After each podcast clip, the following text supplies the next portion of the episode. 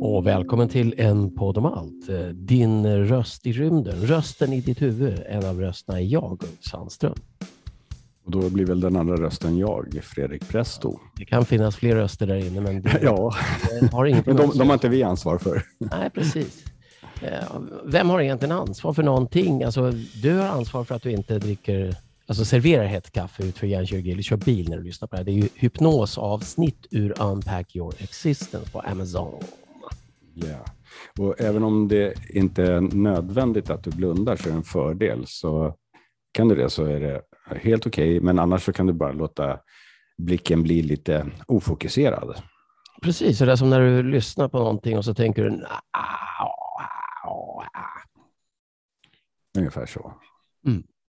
Ta ett djupt andetag, bara andas in och håll andan. Och känn hur det pumpar in syreatomer i ditt hjärta. Och så andas du ut och slappnar av. Jag brukar kalla det för en bastusuck, den här sucken man gör när man kommer ut ur bastun. Mm. Och om du befinner dig i en situation där det är okej så kan du också blunda nu eller bara låta blicken bli lite sådär dimmig. Tillåt ditt sinne att bara fara iväg till sån där, en sån där plats som när du lyssnar på någonting, ett radioprogram, en film, en musik du verkligen gillar och vill höra tonerna bortom tonerna. Och om inget annat hjälper så kan du faktiskt skratta. Hmm. Ibland säger folk, en dag så kommer du att se tillbaka på det här och skratta. Min fråga är, varför vänta? Richard Bandler, en pionjär i transformation. Transformation. Det bor i din kropp och det finns något som kan väcka det. En del säger att ett, ett gott skratt lämnar ett fotavtryck i själen. Titta där inne och leta efter skratt. Ett du kommer ihåg eller önskar att du gjorde. Ge det näring och lär dig att, att glädjas åt dig själv i ett nyfiket och på ett lekfullt sätt. Le när du kommer ihåg ditt ansikte. Leta inte efter en anledning att skratta. Skratta som en anledning att leva. Medan du gör det så kommer någon del av dig minnas att vår överlevnad som art är en handling i samarbete. Vi är flockvarelser och kan bäst skörda skratt, i alla fall att skratta högt tillsammans med någon annan. Om vi var menade att ha mer kul själva så skulle alla kunna kittla sig själva till tårar av skratt. Det är faktiskt så att väldigt få kan slicka på sin armbåge också, men bara få provar. Om du tittar på en flod eller till och med en liten bäck så kan det vara lugnande, fascinerande och glädjande. Mm. Det verkar finnas en särskild humor i hur det kan le sin väg förbi varje föremål eller hinder som placeras i dess väg. Som att den säger att det här har också en rolig sida. Så lite styrka som det verkar ha och ändå så kraftfullt det är. Ett skratt är inte själva vattnet, det är hur det rör sig och varifrån det bubblar. Det finns ett plask, ett litet skvätt och mer. En gång i modern tid så var det en man som diagnostiserades med en obotlig sjukdom. De sa till honom att hans dagar var räknade.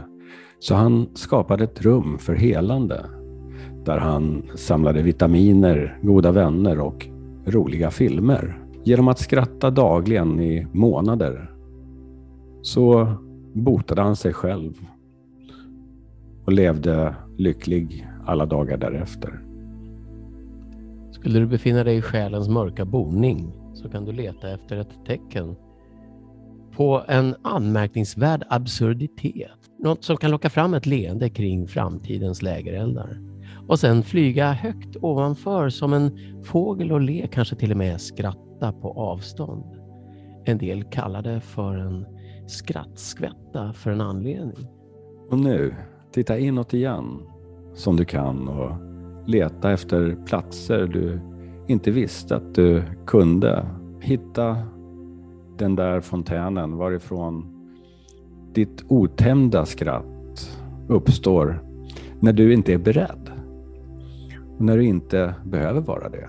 Utforska hur din kropp förbereder sig för det. Om det är en skiftning i dina muskler eller din andning. Och plötsligt, det kan spridas på sin väg till ytan av ditt ansikte. Och notera temperaturen om du spinner det i den riktning du tycker är olämplig. Och medan somliga behöver en enhörning eller en hare så kanske du är annorlunda. Hur många smaker av glädje kan du upptäcka i en skopa av det? Bubblande, långsamt uppstående. På ett sätt bara du kan tillåta och inte kunde stoppa även om du försökte. Och notera vad det gör i din kropp när det når mungiporna och ögonvrårna. Vad mer finns det om skratt? Vad mer finns det om skratt? Skratt verkar utvecklas naturligt när livets allvar tar en paus. Hmm. Vi hade ingenting, men vi bestämde oss för att skratta för det kändes så mycket bättre. Kändes så mycket bättre. Sagt av vår vän och kollega Placid Nkubito. Ett geni i skrattens tecken. Och i tillräcklighetens kök kan du nu laga den rätt som ger dig rätt att kliva ut på andra sidan av den här upplevelsen har varit ett nöje för oss och förhoppningsvis så även för dig. Och då kan du ta ett djupt andetag. Och sträcka på dig. sträck lite på det. Fyll Och dig med energi. av dina munnar och vrån av dina ögon skimra i Skimra. skrattets leende. Och vet du vilket instrument som dubbelskrattar, Fredrik? Jag skulle tro att det är en gitarrlele. Exakt.